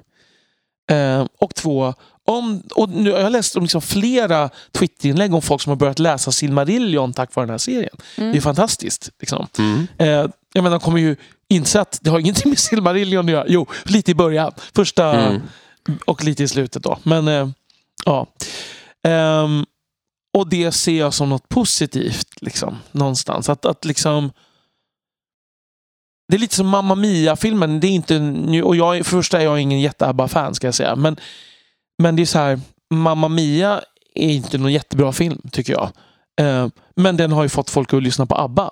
Så att det är ju ett sätt att liksom hålla kvar ABBA i folks medvetande. Mm. Eh, så tänker jag. Här känner jag att jag är så liksom jag är så långt bort från jämförelsen. Liksom, så att ja. jag, jag, jag, jag, jag, ja, jag, jag har ingen stark relation till ABBA. Nej, Men- nej det har ju inte jag heller Nej, men- egentligen. Liksom. Men, Men jag ja, tänker men jag, att- förstår, ja, jag förstår principiellt sett Ja. vad du försöker säga. Jo, nej men absolut. Och det, har, det argumentet har man ju hört en hel del. Eh, att det kommer att dra nya läsare och sådär.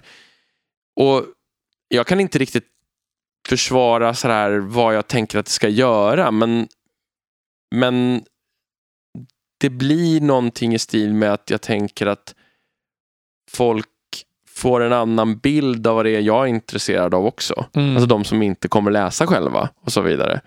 Och så. Men, eh, men mer handlar det om någon sorts principiell grej. Att jag tycker det är väldigt svårt med väldigt fria filmatiseringar också. Det visste jag ju redan innan det här. Mm. Och jag menar, det är en, en sak som jag tröstar mig med ibland. Att en del eh, kritiker mot kritikerna så att säga har ju sagt så här att Åh, folk såg mellan fingrarna med Peter Jacksons misstag. Det kan ingen anklaga mig för i alla Nej. fall. Nej, någonsin. Jag har skällt och skällt och skällt i många år. Mm. Så, att, så ja, det, det ligger i alla fall i linje. Mm. Även om jag tycker att de är mångdubbelt bättre. Men det kommer vi till lite senare i avsnittet. Mm. Alltså det största övergreppet som jag ser i hela den här Mithril-grejen skulle jag säga. Med Mm. alverna till knutet till Mithril och hela det där. Alltså det är ju bara... Och, och den här Dålig three- fanfiction. 300-scenen på berget med den här legenden liksom, Ja, som har ja, med det precis. att göra. Mm. Nej, men det enda som jag kan se det är ju att man använder det här med mithril för att få in att ringarna ska ha något typ av existensberättigande. Mm. Det, det är det enda som jag kan överhuvudtaget tänka mig att... ehm, och det är väl en sån sak som inte riktigt är så rackarns enkelt att översätta heller från böckerna. Alltså det, det går ganska lätt att ifrågasätta och säga, jaha, men varför? Mm. Mm. Va?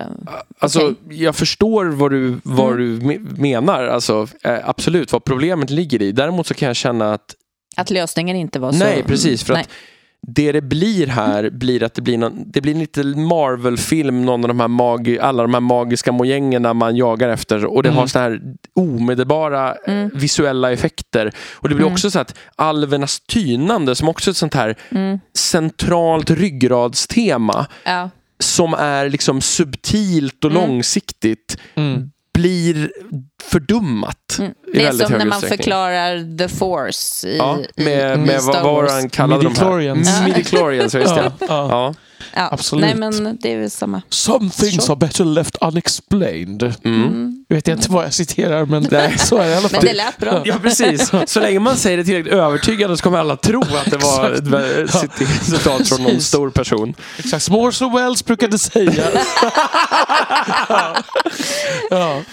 Precis. Ja. Det är ju som sådana där citat som man möter överallt online som ibland är Churchill och ibland är liksom Precis. bröderna Marx och ibland är... Ofta ja. är Churchill, skulle jag Ja. säga. Mm. Mm. Precis. Eller Mark Twain. Ja, men just det. Mm. Mm. Precis. Det finns viss överlapp mellan de två. Ja, det gör det.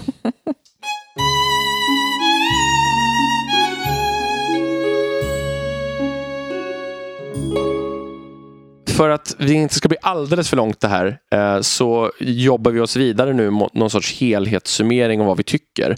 Och det här kommer väl bli dels ett konglomerat av det vi redan har sagt i de här kortare avsnitten men också någon typ av eh, jag vet inte, övergripande tanke. Ja, exakt. Och ett betyg kanske. Eller Ja. två betyg även kanske på hela serien då. Ja. Mm. Alltså, vi har ju satt betyg mellan 1 och 10 Mm. i varje av de här små avsnitten. Och, och vi har ju satt ett betyg på vad vi ser som seriens kvalitet och ett betyg som vi, vad vi ser som seriens Tolkien-skildring, så att säga. Mm. Mm. Och jag har funderat lite och, och liksom tittat på mina poäng och landat ganska, känner mig ganska säker i navelskådningen slash magkänslan som vi, som vi Mm. refererade till förut. Och landar i att jag tycker att seriebetyget är en trea av tio Mm. och för första säsongen. Eh, och eh, Tolkien-tolkningen tvåa av tio. Och det här gör ju den här första säsongen till serie, alltså konstnärligt sett det lägsta betyg jag någonsin har satt på en säsong av en tv-serie. Och Jag, sett, jag brukar göra det här lite då och då. Uh, och, men jag kan inte komma på någon säsong av någon tv-serie jag någonsin har sett som jag liksom sen, i alla fall sen jag blev vuxen, Mm. som jag, Alltså, säsong sju av Dynastin var ingen höjdare. Nej, jag skojar. det vet jag inte ens vad det nej, är. nej, det var, Men- par- gick samtidigt som Dallas och Falcon Crest. Aha, Ja. okej. Ja. Nej, men, nej, men alltså, jag vet inte. Det är ju säkert så. att Jag väljer ju bort serier som jag inte tror att jag kommer vara så intresserad av förstås. Mm. Det är klart att det skulle finnas massor som jag skulle tycka var ännu sämre. Men av sånt jag faktiskt har sett alltihopa. Mm. Jag kan inte komma på någonting som jag tycker är sämre.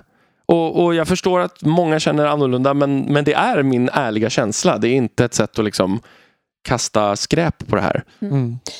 Om jag ska fortsätta. Jag kan inte riktigt sätta det i relation till alla andra serier som jag har sett. För att jag ser otroligt mycket färre serier än vad du gör, tror jag. Ehm, Kanske. och betygsätter dem typ aldrig. Men du är ingen riktig betygsättarperson va? Nej, nej, så är jag inte. Du, du är så här subtil, nyanserad person. Mm. Jag, jag är ju ändå betydligt mer positiv än vad du är kring den här serien. Det är, svår, skulle- det är svårt att inte vara det. Ja, det är sant. Väldigt sant. Men jag skulle nog faktiskt landa som helhet en sexa av tio. Eh, och jag skulle nog ge Tolkien-betyget en fyra, tror jag. Så lägre än eh, vad jag önskar, men betydligt ändå mer positiv än vad du just har beskrivit. Det här är inte det sämsta jag har sett. Det kan jag också säga. Ja, det finns ju så mycket skit-tv. Eh, Japp. Bara Days of Our Lives eller någon sån här svensk, liksom typ, eh, vad heter de här, Vita lögner? Eller så. Alltså, Men det återigen, det här är sånt som jag aldrig skulle titta på för att Nej. det inte ligger i min intressesfär. Jag, jag skulle säkert tycka Vita lögner var sämre än det här. Ja. Men det kommer jag aldrig att se. Nej, nej, men det är därför jag tänker så skalan, men man precis. lägger sig i skalan. Mm. Så här, det är det jag tänker. Alltså det finns ju mycket, så mycket, mycket sämre. Jag tycker det är svårt, ska jag säga. Eh, I mina... Eh, jag är ju inne på något som heter HMDB ibland och skriver betyg. Och där är, i min betygsskala så är sex ändå bra. Ska jag säga. Mm. Och fem är medelmåttigt men sevärd. Eh, och fyra är på sin höjd okej, tror jag, om jag inte minns fel. Mm. Vi, det, ni, ni anar någonstans vilket, vilket Av härad. tio alltså. Av tio, precis. Mm. Ehm, alltså en sex av tio är ju en tre av fem. Liksom. Mm. Ehm, så är det. Och tre av fem tycker jag, liksom, då är det ju helt okej. Och det liksom. brukar ju vara i Aftonbladet och Expressen så brukar det motsvara bra. Ja, brukar det heta. Mm. Och fyra är mycket bra och fem är fantastiskt Ja, eller exakt. utmärkt. Eller så. Ja. Eh, så ska vi se. Mitt Tolkien-betyg kanske... Det är ju någonstans där två, tre. Vi säger... Alltså jag blev så... Bara nu för att jag blev så arg över att de inte har tagit tillvara på det som fanns. Och för att sista avsnittet som, där det fanns så mycket som var bra, det har man bara hastat förbi. Eh, så jag säger en två Tolkien-betyg. Ehm, och som seriehelhet så hör jag ju själv att när jag nu har pratat om det att jag kan inte säga riktigt bra ändå. Men jag, så det får bli medelmåttig men sevärd. Alltså då- femma, av tio. Precis. Och det gör ju att... För jag tycker att helheten är sämre än summan av delarna om ni förstår vad jag menar. Ja, jag förstår Mm. precis vad du menar. Ehm, det finns vissa avsnitt som varit, som varit mycket bättre än Mm. så. Ehm, men det är som att he, totalplotten som den liksom skissades fram under säsongens gång har liksom dragit ner Mm. slutprodukten, tycker jag. Men jag hoppas faktiskt, och jag tror att när man ser om den och ser den Mm. i ett streck så kommer det att kännas betydligt bättre. Mm. Jag kommer göra detta Mm. inom en inte alltför avlägsen framtid. Får vi se om jag höjer det till en sexa då. Vi får se. Jag kommer inte att göra det här, men om jag skulle göra det så har jag väldigt svårt att tro att jag skulle höja det till en femma, sexa. Mm. Det kommer inte att hända, Nej. helt enkelt. Vi tror dig. Ja. Mm. Det litar jag på att ni gör. Om det är något jag är så är det principfast. Eh, Mm. ja. Det vet vi. eh, så sa han lite Sa han hånfullt? Nej, mer luttrat Ja. faktiskt. Ja, Nej. Ja. det Ja. vet vi. Ja. De, de har stått ut med mig Ja. rätt länge vid det här laget. Ja.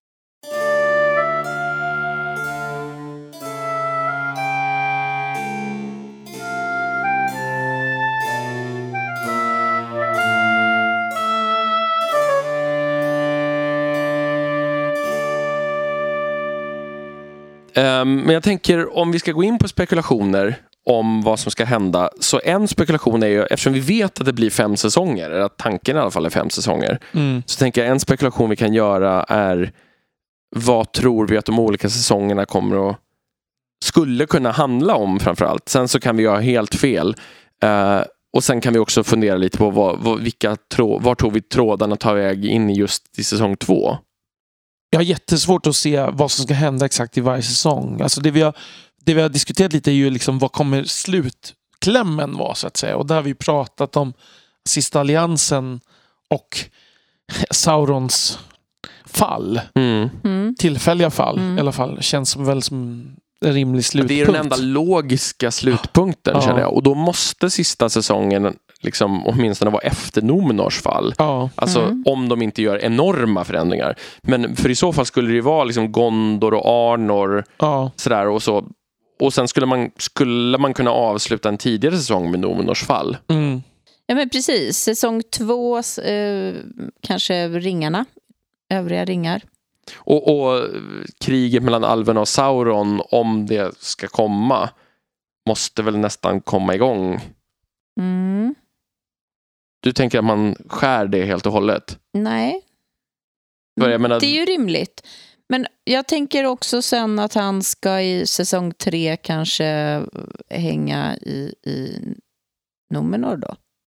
Ja, nej, alltså för, för jag tänker ju så här att det, det finns ju två stora krig mellan Sauron och västern i andra åldern i kanon. Mm. Där i första är The War of the Elves and Sauron och det andra är det mång, långt, långt senare när Arfarason landar med flottan. Och de kommer ju baka ihop de här till en. Mm, det är jag ja. ju helt övertygad Ja, om. det måste alltså, de det göra. måste de göra. Det, Ja. går, det finns inget annat val Nej. nu. Men det är eventuellt att det skulle kunna vänta till säsong tre då. Ehm, men, men för det är ju dit handlingen måste vara på väg. Mm. Och sen blir Sauron till synes besegrad. Och sen måste Numenor-plotten komma igång, tänker jag. När han följer med. Ja, men precis. För jag tänker att om Numenors undergång sannolikt är då i... Säsong fyra kanske?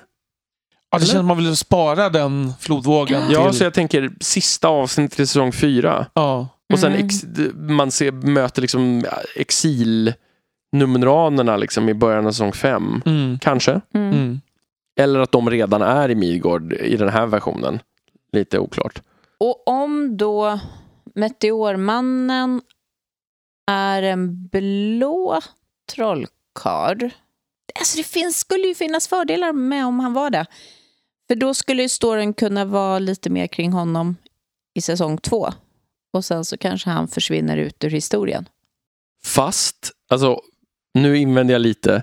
I den här sista tolkningen där han faktiskt kommer i andra åldern, eller Mm, de kommer, mm, Morinehtar och Romestamo, om han är en av dem eller båda dem på något Mm. plan. Då är ju deras stora insats, för då har ju tolken vänt att de är istället jätteviktiga och duktiga istället för misslyckade som innan. Då Mm. är ju deras stora insats att se till att Sauron inte får så stora eh, styrkor från östern och södern som han hade kunnat få. Mm. Som liksom, vilket stoppar indirekt västerns fall. Mm. Så då skulle man kunna ha kvar honom längre och att han på något sätt kämpar i skuggorna i öster för att se till att Sauron inte ska kunna överväldiga Mm. Lindon och Alltså, Numenor. Det måste ju kopplas ihop. Just Ja, nu känns ja, han, ju- mm. han är ju helt frikopplad från allting annat. Ja. Mm. Ja, precis. Det- Annars är han ju fullständigt poänglös Ja, om exakt. det inte blir någon sån koppling. Eh, jag tror att, jag bara kom på det nu, när vi, när vi fick se meteoren falla så fick vi också se lite enter. Jag tror vi kommer få se enter någon gång också. Fick vi se Enter? Ja. Den flög över några enter.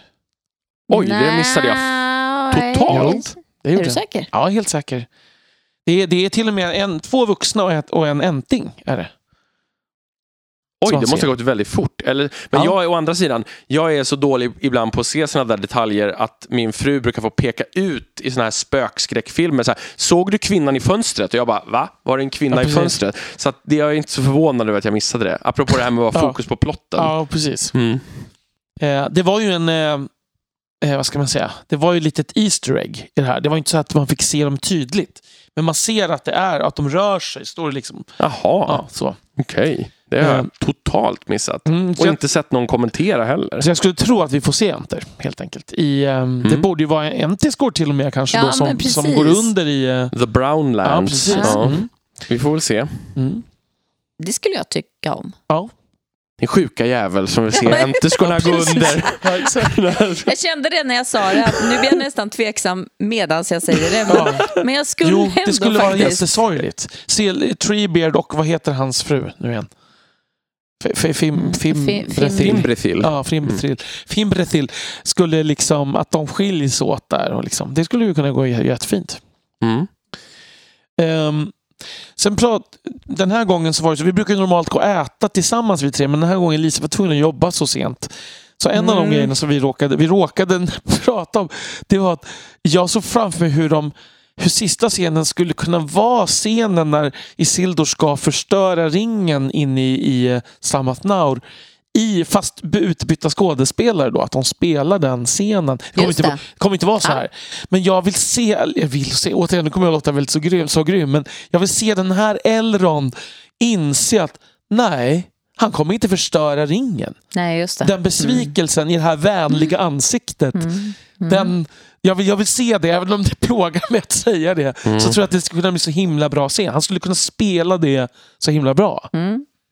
Det Det skulle man- vara ett bra slut Ja, att knyta verkligen. ihop också med, med färdigflörtat med filmen. Liksom. Man skulle ju kunna ha allra sista, vad heter det, allra sista framen då Ja. skulle kunna vara Mm. no. No. Och sen Mm. liksom med ansiktet. Ja. Det skulle kunna funka. Mm. Det på, får mig att tänka på, jag minns inte var jag såg det här, om det var någon av våra lyssnare som skickade in någonting eller om det var i någon, något annat sammanhang. Men, men det var någon som hade en bild eller någonting att om det här hade varit en 90-talsserie Mm. så, så skulle det vara så här, man skulle få se Isildur, ni vet i prologen, ta upp Ja. ringen och sen inte kasta den i elden så att säga. Och sen skulle det vara så här. Ja, det här är jag. Och vill ni veta hur jag kom hit? Ja, och sen ska man Ja, spola tillbaka till början. Det är en sån här klassisk Ja, 90-tals, verkligen. liksom, så här, lite Fresh Prince-aktigt ja, på något sätt. precis. Så, speciellt om man börjar rappa lite, där som Ja. Will Smith. Mm. In West Philadelphia, born Jag, jag har raised. svårt att tro att Isil är någon fantastisk rappare, men, men å andra sidan, jag är, Grandmaster Isil. Ja. jag är inte så bra på att bedöma hiphop heller, så att jag, jag lämnar det därhän. Ja, jag tror också jag är säkrast att jag gör det. Ja, nej, men det, det skulle vara ett bra slut. Mm. Vad tror vi händer med, med de andra personerna då? Alltså vad ska Galadriel göra nu resten av den här serien? Träffa K- eh, Celeborn. Ja, det ska hon ju göra. Åka, åka som en skottspol runt på andra ställen nu. Liksom. Mm. Och, Ja, för hela hennes, det här att hon börjar liksom misstänka. Men det är väl att hon ska väl, hon måste ju sätta sig upp mot Sauron. Hon måste ju bli huvudfienden. Liksom. ja. Ehm, ja, men det bästa sättet att göra det hade ju varit att berätta för folk att han var Sauron, Ja. faktiskt. precis. Återigen. Ja. Men, men vet du, det, sen så funderar jag på, sen är vissa personer, Arondir och Bronwyn och Theo, det, kän, Nej, de kommer ju bara vara bifigurer här tror jag. Alltså, jag menar, de kommer det finnas... känns som att de kommer skvalpa runt Ja, mest. skvalpa runt var ordet. Ja. Ja, vi får väl se. Alltså, sen har vi det här, sannolikt så kommer vi få se mer av Miriel och Farazon. Mm. Ja, det måste vi ju få. Ja, Det måste ju hända ganska mycket redan nästa säsong. ja. Jag undrar... Jag vet, Galadriel kanske kommer att, att få barn. Ja. Elrond kommer kanske träffa sin fru. Ja, Det vill säga, Galadriel ska få barn och hon ska växa upp och sen ska hon träffa Elrond. eh, ja. Mm. Mm. Nej, antagligen inte. Det, det är liksom lite svårt att se just Ja, nu, ja, tycker jag. verkligen. Apropå det här med Mm. Ja, tidskompression. precis. Mm. Ehm, Klurigt det där. tror vi att det är personer som kommer dö? Säkert. Ja, det känns som att någon huvudperson kommer ju offras någon gång under... Alltså nu menar jag inte de vi vet vilka de är. Men jag tror ju att till exempel att Arondir eller Bronwyn kommer att dö Men innan Bronwyn har ju slut. låtsas dött 62 gånger redan. Ja, så att ja. liksom, någon gång... Ja. Men kanske han som dör då. Snarare. ja, det är väl det. Eller så får vi se Elisabeths skräckscenario med Anakin Theo. Ja. Ja, just det. Mm. You were supposed to bring balance to the force. Ja. Mm. ja. Mm. Det var Ja. ingen bra Ewan Nej, det var som McGregor-imitation. blandning Ewan McGregor. Det var inte ens blandning, men det var Mr Bean och Yoda. Jag bara kände liksom det den här famlande desperationen. Ja, Det här lite melodramatiska Star Wars kan vara ibland. ja exakt. Men vi får väl se. Alltså, men... vi, vi kommer ju bli av med en del, det vet vi ju. Vi Ja. blir av med en Dorin. Eh, vi Ja. blir av med diverse Numenor på sikt. Ja. Och sen är frågan, kommer Adar och Sauron nu ligga i fejd eller kommer de joina här? För att använda väldigt fåniga uttryck. ja. Alltså, ja, det är en intressant... Antingen så dör nog Adar relativt snart, Mm. eller så, lyck... så... Men jag tror att han kommer dö snarare än att han kommer bli Saurons allierade. Jag tror att det kommer bli så här, och orkernas sista hopp för någon Mm. sorts värdighet och Mm. egenvärde faller och de blir Saurons slavar. Alltså den... Mm. Jag tror att de kommer jobba med det temat. Säkert. Därför att de har ändå jobbat ganska mycket med så här orkernas mänskliga rättigheter. Mm. ja, f- m- Orkiska pun intended. Ja, Liksom. precis. Mm. Så. Ehm, och det temat, liksom, mer än vad Tolkien själv gör Mm. faktiskt. Ja, verkligen. Ja, ju. mycket, ja, mycket, mycket, mycket mer. Att, Och vilket jag då, det är en av de grejerna jag tycker är bra och Mm. intressant. Även Mm. om det går emot. Så, mm. så är, går det ju emot på ett sätt som på en mer metanivå. Alltså att ifrågasätta någonting snarare än det, än det bara går emot för sakens skull. Skulle jag Mm. säga. Ja. Mm. Precis. Sen så undrar jag, flera lyssnare har skrivit in och, och funderat kring Disas beteende i sista avsnitt, äh, näst sista avsnittet med det. ja. Att, att de började plötsligt få misstankar om att det var någonting skumt med henne. Mm. Eh, och jag kommer ihåg att jag tänkte också att hon, hennes ögon såg väldigt speciella ut Mm. i den där sista scenen. Att inte helt liksom... Hon kanske är Balrogen i förklädnad. Precis. Ja. Disa by day, Balrog by night. Ja, ja, exakt. Nej men alltså, tror ni att det är någonting i det eller är det en övertolkning? Jag tror så här. Jag tror att hon kommer vara avgörande i, på något sätt i, om det nu är som jag tror, att Dorin, den här Dorin får ringen, att hon är, driver att han ska ta emot den. driver på hans ambition. Ja, liksom. Ja. jag förstår. Mm. Så tänker jag snarare kanske. Ja, men det absolut. Det hade ju gått att spåna mycket längre på alla de här spåren såklart. Mm. Som det ju är ofta med olika ämnen. Och, och vi har ju fått försöka bara ta upp några av de huvudtankar vi har haft. Alltså jag kommer sitta och, efteråt och tänka, men jag skulle sagt det där, jag skulle sagt det där och det där glömde jag bort. Garanterat. Ja. Eh, men jag tänker ändå liksom att jag tror att kärnan i vad vi tycker och varför har gått fram Mm. Ändå. Hoppas jag. Ja, jag, jag måste bara för att nyansera lite. Alltså så tycker jag ju ändå, jag ser fram emot att se resten. Ska jag säga. Mm. Eh, så mycket, så positivt är ändå mitt intryck att jag ser fram emot att se vad som ska hända i säsong två. Ehm, de kanske kan komma till rätta med en del, liksom en del av problemen, tänker jag. Att, det blir, att manuset blir lite starkare och så här. Det, så det skulle ju kunna gå, tänker jag. Jag hoppas verkligen att det blir lite bättre. Mhm. Alltså, men, men jag ser inte fram emot det. Jag jag tycker det ska bli jätteskönt att slippa det ett år eller Mm. så. Mm. så. Ja. Nej men genuint Jo, så så. Ja. Nej, men jag kan nog hålla med båda. Eh, jag tänker att det ska bli roligt om ett par år. Eh, men att eh, just nu så tar jag gärna och pausar en, en stund. Ja, precis så. Och med de orden så tror jag att vi knyter ihop säcken här i det här Mm. avsnittet. Eftersom vi vet att ni har en massa tankar och åsikter om det här. Eftersom vi har ju fått Mm. oerhört mycket interaktion genom hela den här processen. Och vi har verkligen inte hunnit med att svara på allt. Nej, nej. Det, Alltså, det, inte... det kommer vi nog inte hinna retroaktivt heller. Nej. Alltså så här, vi ber om ursäkt om ni känner det. Vi har, vi har läst allting, det har vi. Men vi har inte hunnit eller orkat. Liksom, Mm. För många frågor har varit väldigt stora och en del personer har skrivit ungefär samma saker och sådär. Så, så hoppas att ni inte känner er bortglömda om ni har skrivit någonting. Men eftersom vi vet att ni tänker och tycker en massa saker så får ni självklart gärna fortsätta göra det. Ja, i det här fallet så är det roligare nästan med diskussionstrådarna på Facebook, skulle Ja. jag säga. Ja. Ehm, Där det liksom kan uppstå diskussion bland, bland er, Mm. eh, tänker jag. Ja, precis. Så skriva på Facebook. Det, i det, här, ja, det kommer ge mer än att mejla oss, tänker du? Ja, det precis. precis det jag menar. Ja, men det tänker Eh, jag Man också. får förstås mejla på tolkienpodden.gmail.com. Verkligen. Så får vi se de som tycker vi var alldeles för positiva eller alldeles för negativa nu. Mm, mm. Och Det betyder att vi är balanserade i mitten. Den breda mitten som Annie Lööf skulle säga. Nej. Ja, precis. Men det, det är också spännande att det kan gå isär så mycket kring vad man tycker att, att liksom balansen ligger, så att säga. Vad är en rimlig och en orimlig åsikt? Det har sällan varit så långt ifrån. Nej, och grejen är att det, eftersom det handlar om en åsikt så är väl det inte i det här fallet. Jag vill inte lägga någon värdering i vad som är en rimlig och en orimlig åsikt. Nej. Jag. Nej, men jag tänker Mina att, åsikter är mina åsikter och jag tycker att de är rimliga. ja, nej, men det, det, Så, ja. det tror jag de flesta tycker, om, om de inte känner sig tvungna att ha en viss åsikt. Ja. Men alltså, Men Ja. jag tycker att också att det är rimligt att andra har helt andra åsikter. mm. Ehm, så. Absolut. Och det är väl jättebra. Vi slutar på en tolerant ton här. Precis. Um. Lite, lite von oben, men tolerant ton. ja, ja.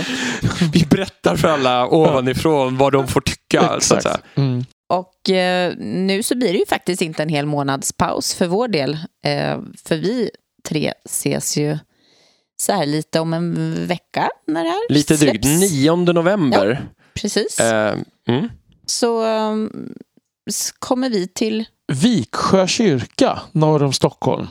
Och där klockan 19 så kommer vi prata om tolken. Jättetrevligt. Vi har blivit inbjudna som en del av en serie föreläsningar om böcker, Mm. litteratur. Mm. Och vi ska prata lite om bland annat varför tolken står sig än idag. Ja, Eh, och varför han är värd att prata om. För det, och det vet vi ju att ni håller med om, ni som lyssnar på den här podden. precis.